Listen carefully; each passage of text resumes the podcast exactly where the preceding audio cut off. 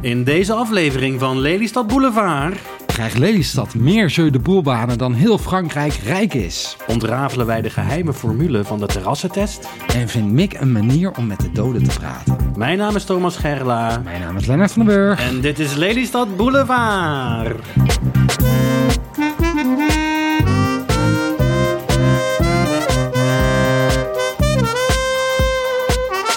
Lennart, daar zijn we weer voor aflevering 11, Lelystad Boulevard. Yes, dit is de podcast over alles in en rondom Lelystad. Ook wel bekend als de stad van de toekomst.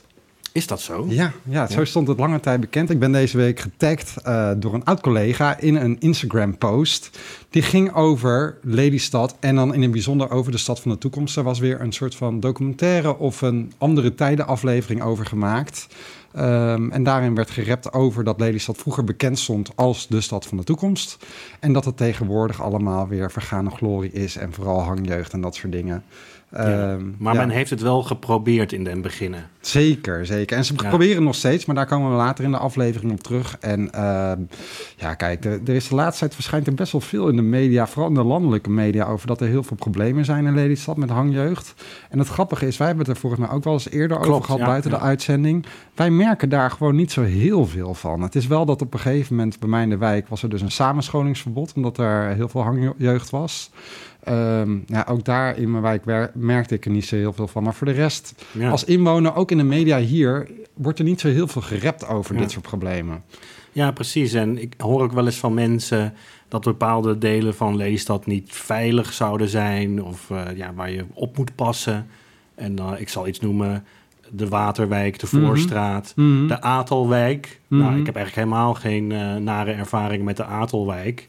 Daar, eh, ja, daar wonen vooral veel hardwerkende Polen Ja. en islamieten die netjes eh, drie keer eh, per dag naar de moskee gaan. ja. Niks aan de hand daar. Nee, Dus, ik heb eh, zelf ook in het oude gedeelte gewoond.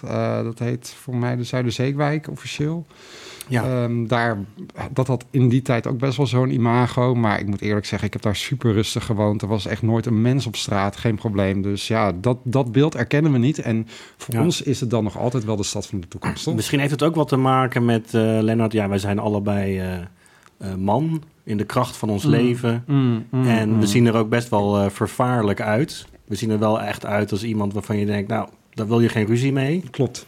We gaan ook allebei eh, naar de sportschool regelmatig. Nou, dit voor Om mij onze is te na- te trainen. Natuurlijk. Dit- Bij jou is het meer natuurlijk, ja. Ja. maar dat zou misschien wel een reden kunnen zijn waarom we niet zo vaak lastiggevallen Ja, worden. ik denk wel, inderdaad, daar, daar heb je wel een goed punt. Want eh, als ik in Amsterdam loop, als ik naar werk ga, dan zie ik af en toe ook wel eens dat een vrouw wordt nagesist of whatever. En dan denk Ja. jezus, dit, dit zijn allemaal problemen die wij niet hebben. Dus Ja, en ik geloof dat dat wel gebeurt in bepaalde delen van Lelystad. Dat je als vrouw je misschien niet zo veilig voelt. ja, ja, Omdat er allemaal eh, geile mannetjes achter je aanlopen. ja, ja, ja. Ja. Niet dat, Vind ik ook wel een beetje een luxe probleem hoor. En dat zijn wij niet. Daar willen wij ons van Nee, distancieren. nee. We zijn wel geil, maar geen precies. geile mannetjes. Nee, nee, nee. Ja. Nee, wij zijn heel, eh, hoe noem je dat? Wij zijn heel beschaafd. Nou goed, dat, eh, dat gezegd hebbende, ehm, wil ik even het hebben over twee eh luisteraar-gerelateerde zaken. Twee leuke luisteraar-gerelateerde zaken. Het ene is dat ik deze week van een luisteraar een plusje Luigi-knuffel heb ontvangen. Nou, die wat heeft, leuk. Die heeft geluisterd en die was het met jou eens dat ik dus Ja, inderdaad toch wel, op hè? Luigi Ja, lijk. ja, Dus ja, ik, ik moet het maar omarmen dan, denk ik. Ja, was wat heel leuk. superleuk, ja. Een luisteraar uit Zwolle, Igo heet hij. Ja, Misschien Eh, moet- je die de volgende keer meenemen. Dan kunnen we hem als mascotte neerzetten Ja, voor een goede uitzending, zeg maar. Dat is aflevering. Ja. Dat is goed. Daarnaast eh, nog iets leuks met luisteraars. Ehm, twee luisteraars van ons gaan namelijk trouwen. Dat eh, zijn Julie en Bas. Zij komen uit Hilversum. Ik ben zelfs uitgenodigd voor de trouwerij. En zij vroegen een eh, bijzonder huwelijkscadeau. Zij willen namelijk een ingelijste poster met het logo van Lelystad Boulevard. Nou, superleuk. Ja, vet toch? Ja, Ja, ja. ja, Dus bij deze wil ik ze alvast eh, van harte feliciteren met de trouwerij. Dat ga ik morgen ook doen op de trouwerij zelf natuurlijk. Gefeliciteerd Bas en Julie. Julie uit Zwolle. Nee, die zij komt uit Hilversum. Oh, uit Hilversum. Ja, nou bij deze Julie en Bas van harte gefeliciteerd. En blijf lekker luisteren samen. Nog meer nieuws uit de stad van de toekomst. In Lelystad is laatst een zogenaamde motiemarkt geweest, waar Lelystedelingen zelf met ideeën konden komen die dan mogelijk bi- binnenkort worden uitgevoerd. Er zijn 38 ideeën ingediend en daarvan zijn er maar liefst 32 goedgekeurd om Zo. verder uit te werken voor een echt eh, daadwerkelijk initiatief. Dat is echt een goedkeuringsregen. Ja, Een ja, honoratieregen. ja, ja dat betekent voor toch al dat die we- ideeën. Maar het zijn gewoon goede ideeën waarschijnlijk ook. Ja, ja, dat is ook echt typisch Lelystad. Al die Lelystedelingen lopen vol met goede ideeën. Ik ben blij dat die er ook een keer uitkomen op deze manier.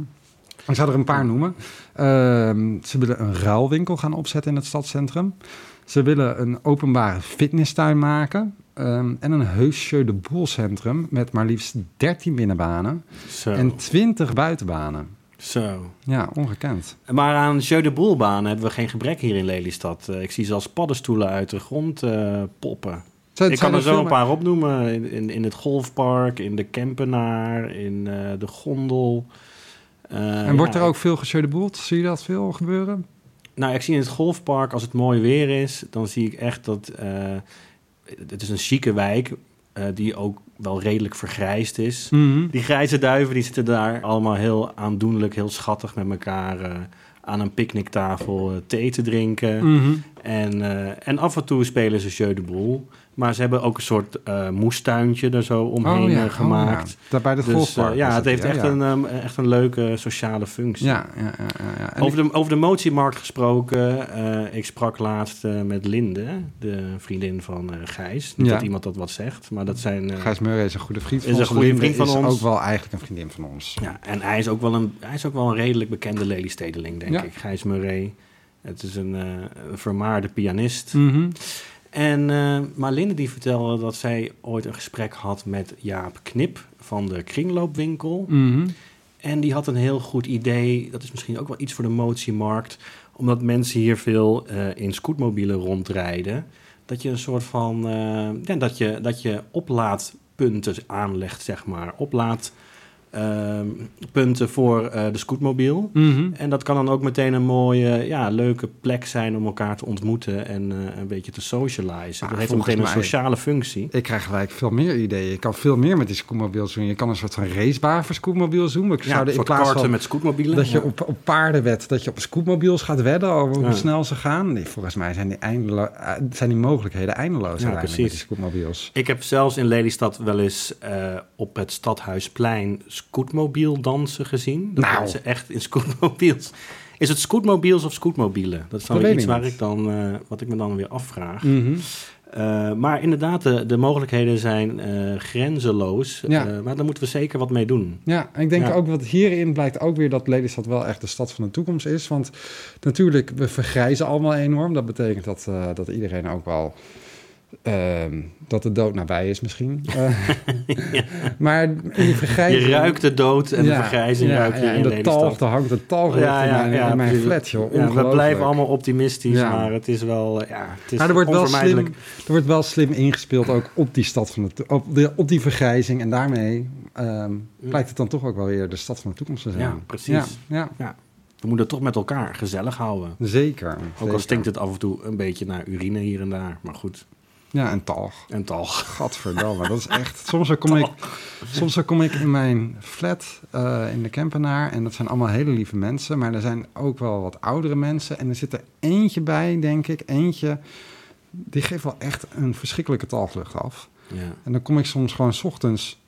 loop ik gewoon door het trappenhuis... en dan ruikt het toch naar... Ja, alsof er gewoon al, al drie weken een, rottend oud mensje gewoon eh, onder de trap ligt. Echt ongekend. Het is echt, dat, je, dat denk ik ook van, hoe kan die geur zo blijven hangen soms? Maar het is een vrouw? Nou, nee, dat weet ik niet. Oh, Zij of hij? Nee, Zij sorry, of dat weet ik niet. Dat weet ik Oh, niet. je hebt, nee. je, hebt, je hebt diegene nooit gezien. nee, nee, ik weet ja. niet wie het is, maar er, er is er eentje die heeft wel echt, eh, daar zit een luchtje aan. Ja, maar misschien is het wel echt eh knetterlekker wijf, hè? Dat weet je niet.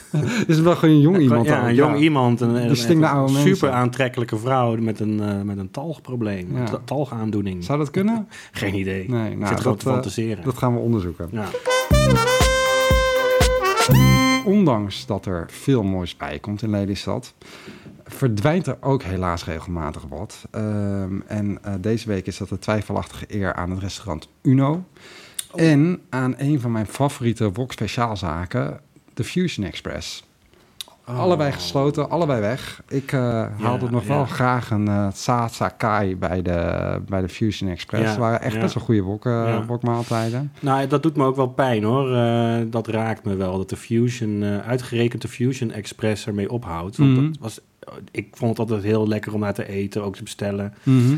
Ehm, ik werk daar ook in de buurt eh, bij Corneel. Dus Oh, voor ja. mij was het dan ook altijd makkelijk om eh, na een dienst eh, eventjes de straat over te steken. Mhm. En daar een lekker wokgerechtje te halen.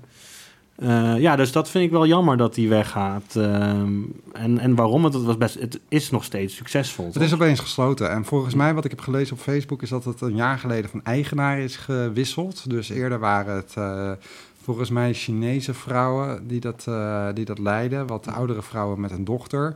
Dat was altijd eh, ja, toch best wel een soort van ervaring. Want ze Ja, waren altijd zeker. lekker op elkaar aan het schreeuwen en, Ja. eh, en zeuren. Maar ze leidden die tent Maar als, Chine als Chinezen dat doen, dan klinkt dat altijd heel schattig. En vind je niet? Als, je, als, je, ja, als Chinezen zo'n beetje met elkaar kibbelen, Ja, dan heb ik daar altijd toch wel heel erg schattig, eh, lieftallig uh, ja, manga ik heb wel het idee dat ze toch ook best wel hard tegen elkaar kunnen zijn hoor. Oh, zeker. Ze sparen Ja, elkaar niet. Ja, maar het klinkt zo schattig. Ja, Net als. Limburgers, die klinken ook heel schattig altijd.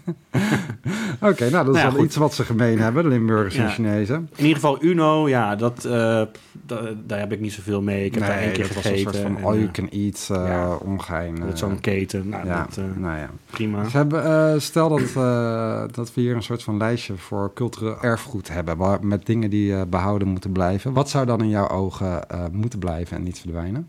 Nou, waar ik heel blij mee ben, is dat Tom Broens het op zich genomen heeft om de lekkerback terug te krijgen. Ja, ja daar hebben we het al een keer eh, over gehad. Nou ja, mocht eh, in de Kempenaar eh, de Kemphaan een keer de deuren sluiten, dan hoop ik dat dat ook opgepakt wordt. Mhm. Of dat, ja, dus die- daar zou ik wel... eh, ja, ik heb wel wat met die, met die snackbars hier in Lelystad. Ik dus, ook. ook de Gabo. Ik zou het toch wel heel jammer vinden. De boei in het Lady Center. Ook echt eh, hele lieve mensen. Ook weer Chinezen die dat runnen. Ja. Maar hele, hele leuke mensen zijn dat van de boei. En natuurlijk de AIT. De AIT, De eh, ja, natuurlijk. Daar was ik ook wel trots op als ik, eh, toen ik op het HBO zat. Dan moest ik tegen mensen uit mijn klas die dat niet in Lelystad woonden... zeggen dat wij een kebabzaak hadden die de AIT heette. Nou, ik vind dat nog steeds eigenlijk best wel cool. Wat wel zo is, en dat is een beetje met stille trom gebeurd... eh, de Nelis, de oude Nelis, die is er niet meer. Nee. Er zit nu wel een heel leuk eh, Indiaas restaurant in. eh, Indian Taste heet het. Mhm. Heb ik al een keer besteld. Super fijn, super nice, heel blij mee. Maar ik vind het ook wel jammer dat de Nelis er niet meer is. Ja. Of, vind je, of heb je dat niet zo? Ehm, nou, het, zat natuurlijk naast de Lantaarn, een van onze favoriete cafés. En dat was wel ideaal, dat als je een avondje goed had gedronken... dat je daar gelijk even iets kon halen. Ehm, ik heb er wel wisselende ervaringen gehad, moet ik zeggen, hoor. De laatste Dat tijd... klopt, ja. Was, wel dan- kwakkelen hoor daar. Ja, het was wel gerund door eh, Roosje, de baas van de... Ja. eh, Roos en. Martin. Roos en Martin, dat was leuk. Maar ook een tijd niet. Heeft Ja, er waren ook- Het heeft heel veel eigenaars het was een gehad. oude vrouw, die, die heeft dat ge- geleid. Die, die Ja. is volgens mij gestorven daar op het Oh, ja, toilet. Dat is niet echt een heel fijn idee. een heel verhaal, ja. Er heeft een tijdje heeft er, hebben er een soort van Pakistaanse jongens in gezeten. Die waren ook echt niet kosher. En eh, die hadden toen ook de eierbal op een menukaart staan. Die heb ik dan een keer besteld. Toen pakten ze gewoon een ei uit een, uit een, uit een eh, metalen schaal. Die wel blijkbaar was gekookt. En ze pakten een kroket. Die sneden ze in tweeën. Die vouwden ze zo om het ei heen. En dat was de eierbal die je kreeg. Oh Dus my dat, god. dat vond ik wel inventief. Maar Ja. ehm, Ik ja. kan me herinneren dat ik daar een keer met Gijs Murray was naar een avond stappen. Daar is hij weer, Gijs. Murray. En eh, toen hadden we nog, eh, toen hadden we, toen hadden we nog lekkere trek. Mhm. Maar ze zeiden, ja, eigenlijk zijn we al gesloten. En toen zeiden we, oh, wat jammer. En eh, toen zeiden ze, je mag het ook wel koud meenemen. En toen hebben we dus daar twee koude berenhappen hebben we daar besteld. Voor dezelfde prijs ook nog. En dan moesten we dat thuis afbakken. Wat hebben jullie gedaan? Dat hebben we gedaan, ja. Zo, Daar wel een beetje spijt van. Je hebt je kunnen inhouden dat je dat niet zeg maar nog daar ter plekke gewoon rauw eh, met die rauwe uien Ja, ik heb me kunnen inhouden, maar ik, ik, vond het wel, eh, ik vond het wel enigszins lullig dat ze het niet nog even in het vet wilden gooien voor ons. Ja. Lennart, ik eh, ga weer wat voorlezen, geloof ik.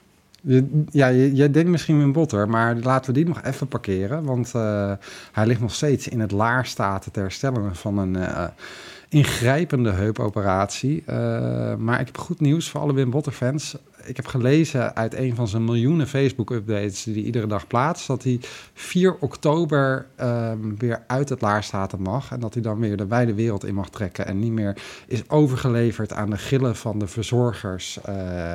in het eh, herstelcentrum. Nou, dat is fantastisch nieuws, Ja. Lennart. Eh, Ja. Mooi verwoord. ja, Eh, toch? Dus betekent dat dat we onze nazomerreeks weer voortzetten? Ja, dan gaan we weer even naar de We terrassentest. eh, We gaan de terrassentest doen. Ja, eentje die al wel een tijdje terug geschreven is, denk ik. nou deze is van 11 augustus. Oké, Ehm, ja. Ehm, ik zou zeggen, Thomas, eh brand los. Ik zou hier gewoon lekker beginnen bij het geklots van het water. Het geklots van het water. Oh ja. Het geklots van water tegen de boten geeft een rustgevende achtergrondmelodie op deze eerste zonnige middag sinds, zo voelt het tenminste, wekenlang regen. Dat klopt, het was een natte zomer.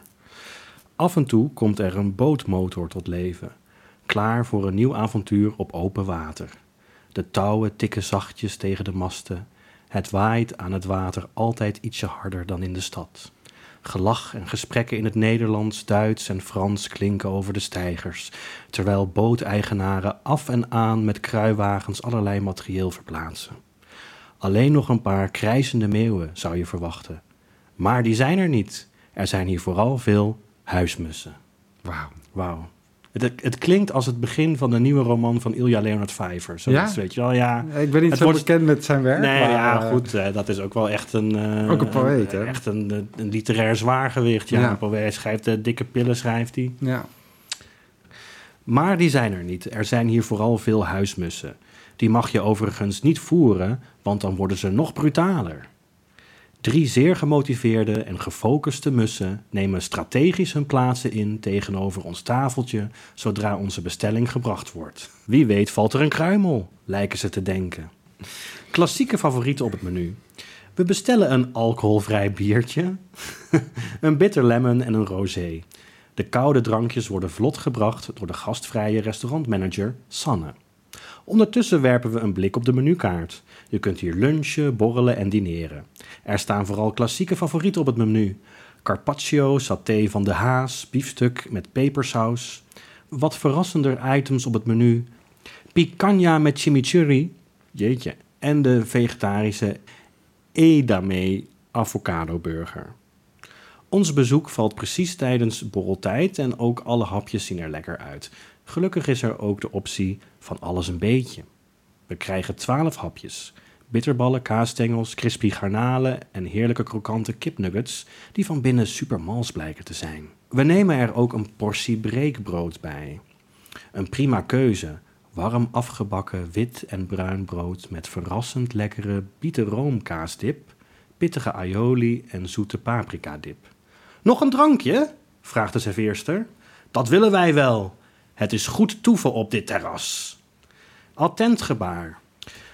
We kletsen wat en kijken om ons heen. De Duitse gasten achter ons hebben een grote hond mee, die een eigen bakje water heeft gekregen. Een attent gebaar van het personeel, dat hondeneigenaren zullen waarderen. De Duitsers bestellen grote stukken taart. Dat ziet er goed uit. Een paar tafeltjes verderop geniet een echtpaar van een vroeg diner, terwijl ze over het water uitkijken, waar een aalscholver telkens koppie ondergaat en meters verder weer opduikt. Er zijn tijdens ons bezoek geen kinderen, maar aangezien er een leuke piratenspeeltuin vlakbij is, kun je grotere kinderen prima meenemen. Voor hele kleine kinderen, hele hele kleine kinderen, is het terras aan de steiger volgens ons wat minder geschikt. Ja, toch een minpuntje. Omdat die kinderen anders eh Verdrinken, ja. Zo simpel is Ja, het, moet niet te moeilijk denken. Eh, nou, ik ben er bijna doorheen. Aanmerkingen. Oké, nu gaan ze kritisch Oeh. worden. Misschien gaan ze voor het eerst een keer kritisch worden. Oeh, ik hou mijn hart vast. Natuurlijk hebben we ook aanmerkingen. De prijzen liggen duidelijk wat hoger hier aan de Lelystadse kust. En een achtergrondmuziekje was op zich welkom geweest om een nog sterkere loungeclubsfeer aan te wakkeren. Maar wij klagen niet. De stoelen zitten lekker, de sfeer is prettig en we voelen ons op en top te gast. Ons eindoordeel: Club Portside is een verborgen parel waar je kunt genieten van de rust van de haven, de gastvrijheid van het personeel en goed eten. Een aanrader voor iedereen die op zoek is naar een ultieme culinaire ervaring aan de Lelystadse kust.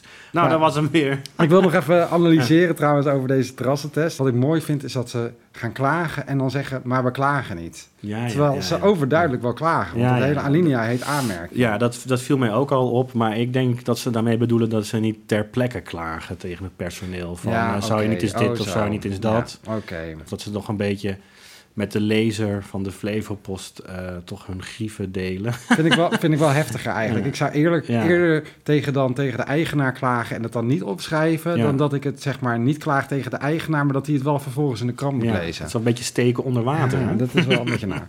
Maar goed, Maar en da- goed. daarnaast vind ik een mooi cadans wat erin zit. En dat zit volgens mij in iedere terrassentest. Je hebt eerst de observatie met alle literaire dingen. De mussen, de, het gepraat, het gelach, de sfeer, dat soort dingen.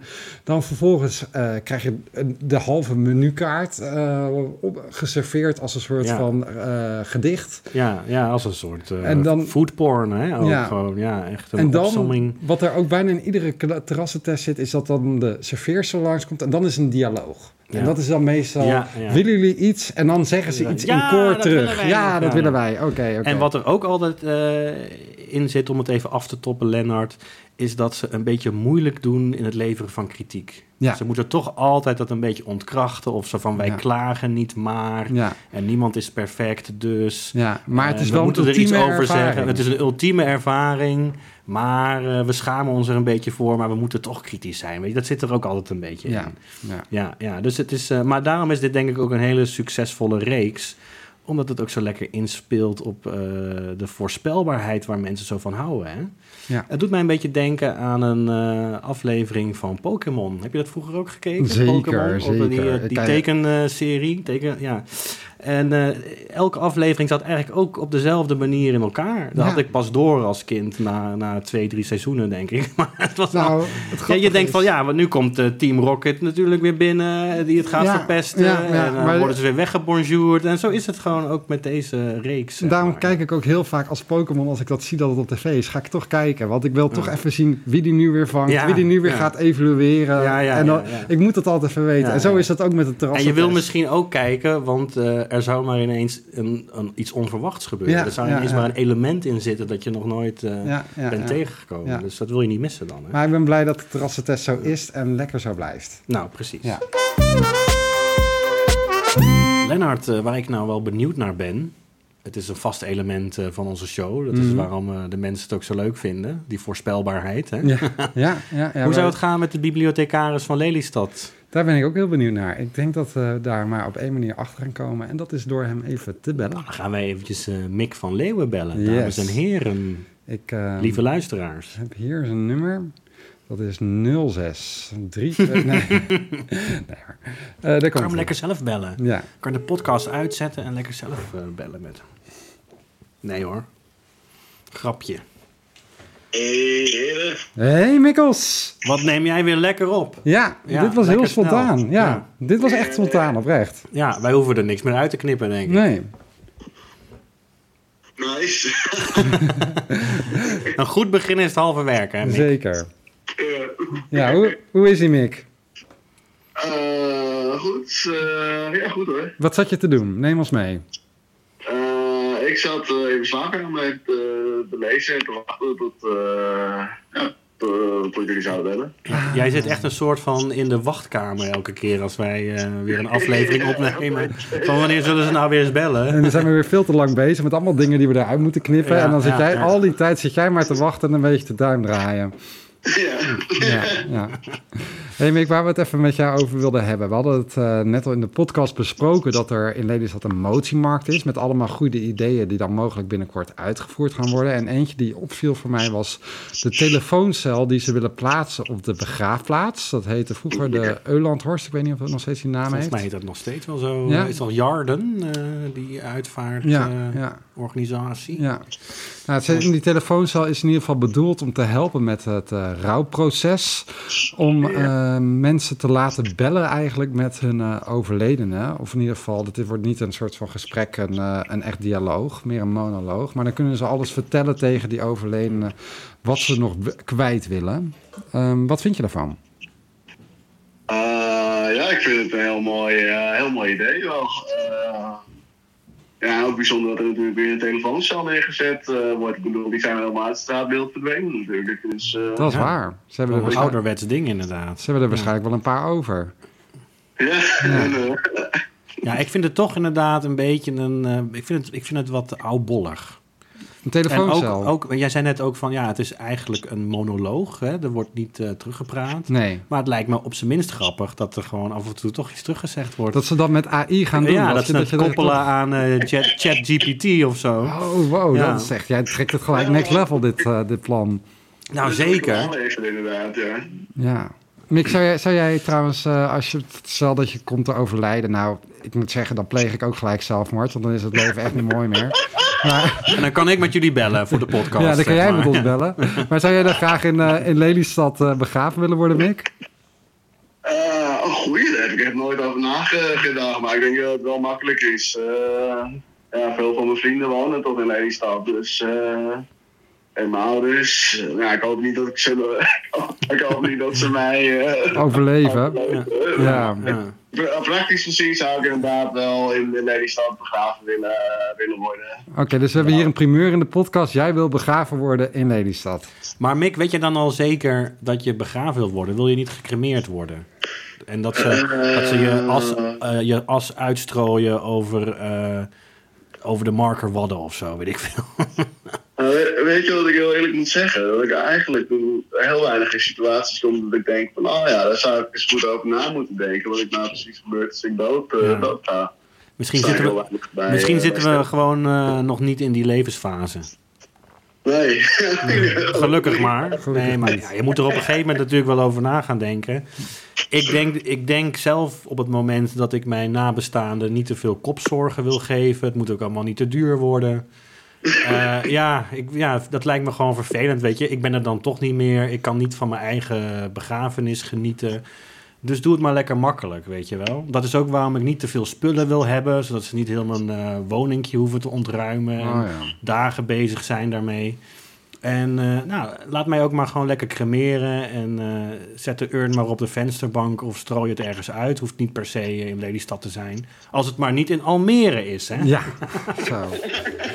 Of een uh, dan voor jou, Thomas. Lekker, gaan we lekker met een bootje en dan... eh, Het is wel heel romantisch, heel poëtisch ook, ja. Maar voor hetzelfde geld sp- spoel je alsnog aan in Almere. Ja, precies. Daar zit wel een risico in. Ja, ja. Maar zi- zijn er plekken waar Dan jij... word je doodgevonden in Almere. Nou, daar Ja, je niet word je toch nog Dan word je toch nog doodgevonden in doodgevonden in Almere. Maar, maar Mick, zi- zijn er plekken waar jij absoluut niet uitgestrooid wil worden? eh, nee, nee, ik ben heel benieuwd wat mensen met mijn as gaan, doen. Ik ga het opsnuiven, denk ik. Ik wil wel een beetje mik van mij, Ja. van, in mij hebben, eigenlijk. Ja. Oeh, het is bijna, klinkt- bijna erotisch. Dat klinkt heel Ja, erotisch ja, opeens. ja. Ja. Maar, je, maar je kunt natuurlijk ook je as gewoon... Ja, veel mensen die stellen hun lichaam beschikbaar aan de wetenschap. Dat je- heeft mijn opa ook gedaan. Ja? Ja. Ja. Maar je, je kan je lichaam ook beschikbaar stellen aan, eh, aan een aantal leuke plaatselijke kunstenaars. Die er gewoon een leuk conceptueel kunstwerk van maken. Je moet er, toch, moet er toch niet aan denken dat mijn lichaam opeens wordt gebruikt door het lab. Ja, dat zij, ja, er, dat, ja. dat zij er zogenaamd Door- iets moois van gaan maken. Ja, door broed, broedplaats het lab. Dat, Ja. Hoe heet die kunstenares ook alweer? Een leuk eh, co- collage maakt. Met, eh, Van vingers. ja, een mooi cubistisch eh, portret. Nou, dat is niet zo moeilijk in jouw geval. Maar gewoon een portret van jouw hoofd... waar dan in de verf, in de pigmenten... zit, zit dan jouw as verwerkt. Ah, ja. schitterend toch? Wat ik eigenlijk wilde na mijn dood, ik wilde eerst heel lang ingevroren worden. Omdat ik zo iemand ben die echt heel erg vasthoudt aan het leven en dat gewoon echt niet kwijt wil. Dus die dan het liefst gewoon weer tot leven wordt gewekt als het kan. Ik heb inmiddels allemaal YouTube filmpjes erover gekeken en gemerkt dat dat echt totaal niet kan. Dat is echt helemaal onmogelijk nog met de techniek die we nu hebben. Ja. Ehm, optie B voor mij is dat ik het heel leuk lijkt dat als ik eh, kom te overlijden, dat ze gelijk een soort van stalen buizen zeg maar, door mijn lichaam heen doen. En dan dat ik zeg maar op mijn begrafenis, eh, als een soort van animatronic in de Efteling, dat ik opeens zo dat podium op kon schuiven en dan nog een soort van dance routine doe Maar met mijn lichaam. En dat Lennart. mensen de schrik van hun leven krijgen, maar dat ik wel nog een keer toch, toch nog met Ja. een soort van grote final big bang eruit ga. Maar Lennart, dat, vind ik, dat idee vind ik eigenlijk net zo oudbollig als die eh, telefooncel bij Eulandhorst. Want je kan, je kan dat veel mooier aanpakken met een, eh, met een hologram. Ga je toch geen stukken vlees, eh, zeg maar, in, dat in een niet- mechaniekje drukken? Dat is toch niet luguber? Ik vind Ja, ik wil, dat is, is ook wel Dat het luguber is, is ook wel onderdeel van de lol eigenlijk. Ik zou, dan, ik zou dat eigenlijk ook wel willen, Lennart. Maar dan wil ik dat ze mij ook echt in de Efteling neerzetten. In het sprookjesbos. in het van, eh, Tussen de ja, laven. Ja, moet ik nog wel even een soort sprookje schrijven waar ik in voorkom. Ja, ja vind dat jou- lijkt me fantastisch. Ik vind jou ook wel iemand, Mick, omdat jij eigenlijk, jij bent, dat weten niet heel veel mensen, maar echte vrienden van jou weten dat wel. Jij bent eigenlijk te goed voor deze wereld. Eh, en jij bent eigenlijk wel een soort van second coming of Christ. Dus ik zou het ook wel passend vinden als we jou gewoon gaan kruisigen eigenlijk naar je dood. Ik Maar. Mick, Mick, denk je dat het je lukt om dan na drie dagen ook weer je graf uit te kruipen? Dat zou wel heel ons leuk allemaal zijn. Er teleurstellen? is maar één manier om erachter te komen. Wat zei je, Mick? Sorry? Er is maar één manier om erachter te komen. Komen we toch weer uit eh, op het gesprek, net als de vorige aflevering. Dat we- opofferen. Dat we ons maar. leven gaan geven Ja, om ja, uh, ja, Lelystad Airport tegen te houden. Ja, ja. Hey Mick, wat ik eh, trouwens ook nog even van jou wilde weten. ehm, is er iemand eh, die jij eh, zou willen bellen als jij... eh, of is er nu iemand die jij via die telefooncel op de Eulandhorst zou willen bellen... en iets tegen zou willen zeggen nog? Ja, ik zou wel iemand willen bellen, maar wat je zegt, dat is natuurlijk een monoloog en je hoort niks meer, niks meer terug. Ja, maar met het idee dat, je, dat diegene dat wel hoort dan. Is er dan niet iemand die je nog, dat, die je nog een boodschap zou willen meegeven? Ja, dan zou ik nog wel eh Puk willen, eh, willen bellen. Een goede, eh, goede studievriendin van me, die eh, vorig jaar overleden is. Ja, dat was heel Ja. plotseling, hè? Ja, ja. Ja, dat was heel plotseling tijdens het eh, hardlopen. eh, ja, hij is eh, gevallen en uh, althans, ja, ze kreeg een aanval en ze is overleden. daarna. Jeetje. Ja. En wat zou je, weet je, heb je een beetje een idee wat je dan tegen haar zou willen zeggen? Nou, als ik haar zag, was het eigenlijk altijd gewoon dikke vette lol. Dus ik zou. eh, eh, ja, we hadden zo'n flauw grapje over trintelnoten. Dat zijn eh, van die pinda's van, de- van de Jumbo. Ja. Dan zou ik uh, gewoon zeggen van, hé, ik hoop dat je daar ook heel erg kan genieten van trintel, trintelnoten. Oh. En misschien dat ze dan ineens uit de lucht vallen. En, eh, Ja, leven. Ja. Te- teken van God, ja, dat ze, Ja. dat ze het heeft Ja, gehoord. Ja, ja, dat is een mooi verhaal, Mick. Sowieso. ja. ja. Eh, En jij, Thomas, heb jij iemand die je zou willen bellen op die manier en iets zou willen zeggen? Ehm, ik moest zelf eigenlijk meteen denken aan Gerard Beense. Hij was de eerste stadsdichter van Lelystad en de zesde. En ik werd de zevende. Mhm. Nou, mensen hebben dit verhaal al vaker gehoord. Maar Gerard die heeft eh, de Stadsdichtersdag in het leven geroepen. Hij is overleden in 2020. En eh, ik zit nu in het bestuur van de Stadsdichtersdag. Dus ik heb samen met nog wat mensen dat evenement overgenomen. En Mick zit er ook bij, dat is onze secretaris. Hè? Mhm. Dus de bibliothecaris is ook een secretaris van eh, de Stadsdichtersdag. En nou, ik, eh, om een lang verhaal kort te maken, ik zou wel even met hem willen praten of hij het goed vindt wat we doen. Of we zijn evenement eer aan doen eh, met de voortzetting ervan. Oh, en, eh, wat hij ervan vindt. Maar ja, ik weet Wat al- denk je dat hij ervan Nou vindt? ja, hij gaat niks terugzeggen. Nee. En het was ook een atheïst, dus eh, die, Oh, die, die gaat ook uit principe gaat hij die gaat in principe Ja. niks terugzeggen. Oh ja, Ik wil natuurlijk niet zijn ongelijk eh, zeg maar dat is een tentoonspreiden. principe kwestie dit. Oké, oké, maar, maar Mick, jij, jij, jij bent ook betrokken bij de Stadsdichtersdag dus. En, eh, wat, wat denk je dat Gerard zou zeggen? Zou, zou hij blij zijn met wat we doen? Eh, ik, ik denk het wel. Ik denk dat, dat die, ja. Ik, als, kijk, als ik, als ik me in zijn schoenen zou verplaatsen, dan zou ik denken: van, ja, het is toch tof om te zien dat andere mensen je werk voort, eh, ja, Ja. voortzetten. Hij mag maar beter dankbaar zijn, toch? Eh, ja. nou, dat, dat durf ik, ja. Nou, dat Ja. durf ik niet te zeggen. Maar ik denk, ik, ik denk van, ja, het, lijkt, het zou mij wel tof lijken als je iets opgezet hebt en andere mensen, ja, die, die proberen het met veel eerbied eh, voor Ja. origineel ook weer op, verder door te zetten. Ja. Dat doen jullie zeker. Dat moet, ook wel- dat moet wel Ja. gezegd zijn. Ik weet dat ik, ik wil niet namens Gerard praten, maar als ik dat als eh, objectieve buitenstaander zo bekijk, dan, eh, dan wil ik wel zeggen, jongens, Ja. dikke pluim voor jullie. Ja. Dat doen jullie goed. Want Lennart, jij was er ook bij dit jaar. hè? Ik was er ook bij. Ja, ja, ja. Het was hartstikke gezellig. Ja, ik heb het echt eh, heel erg We missen natuurlijk gehad. wel echt de ellenlange monologen van Gerard. Ja, ja. Nee, maar ik denk, ik denk oprecht, en daarom hoef ik ook niet in die telefooncel te kruipen. Want ik, ik denk oprecht, ik heb er echt het volste vertrouwen in dat hij het hartstikke leuk vindt hoe wij het doen. Alleen hij zou het nooit durven toegeven, omdat hij gewoon uit principe zijn mond Omdat houdt. het een atheïst is. ja, ja, ja, ja, ja, ja. Ja. Ik had het eigenlijk met mijn opa andersom. Dat vond ik juist heel pijnlijk. Die geloofde altijd heel erg in God. Of eh, die ging ook altijd naar de kerk. Maar die bleek dus vlak voor zijn overlijden toch ook wel heel erg bang te zijn voor de dood. En toen dacht ik wel van jeetje, dat is toch wel...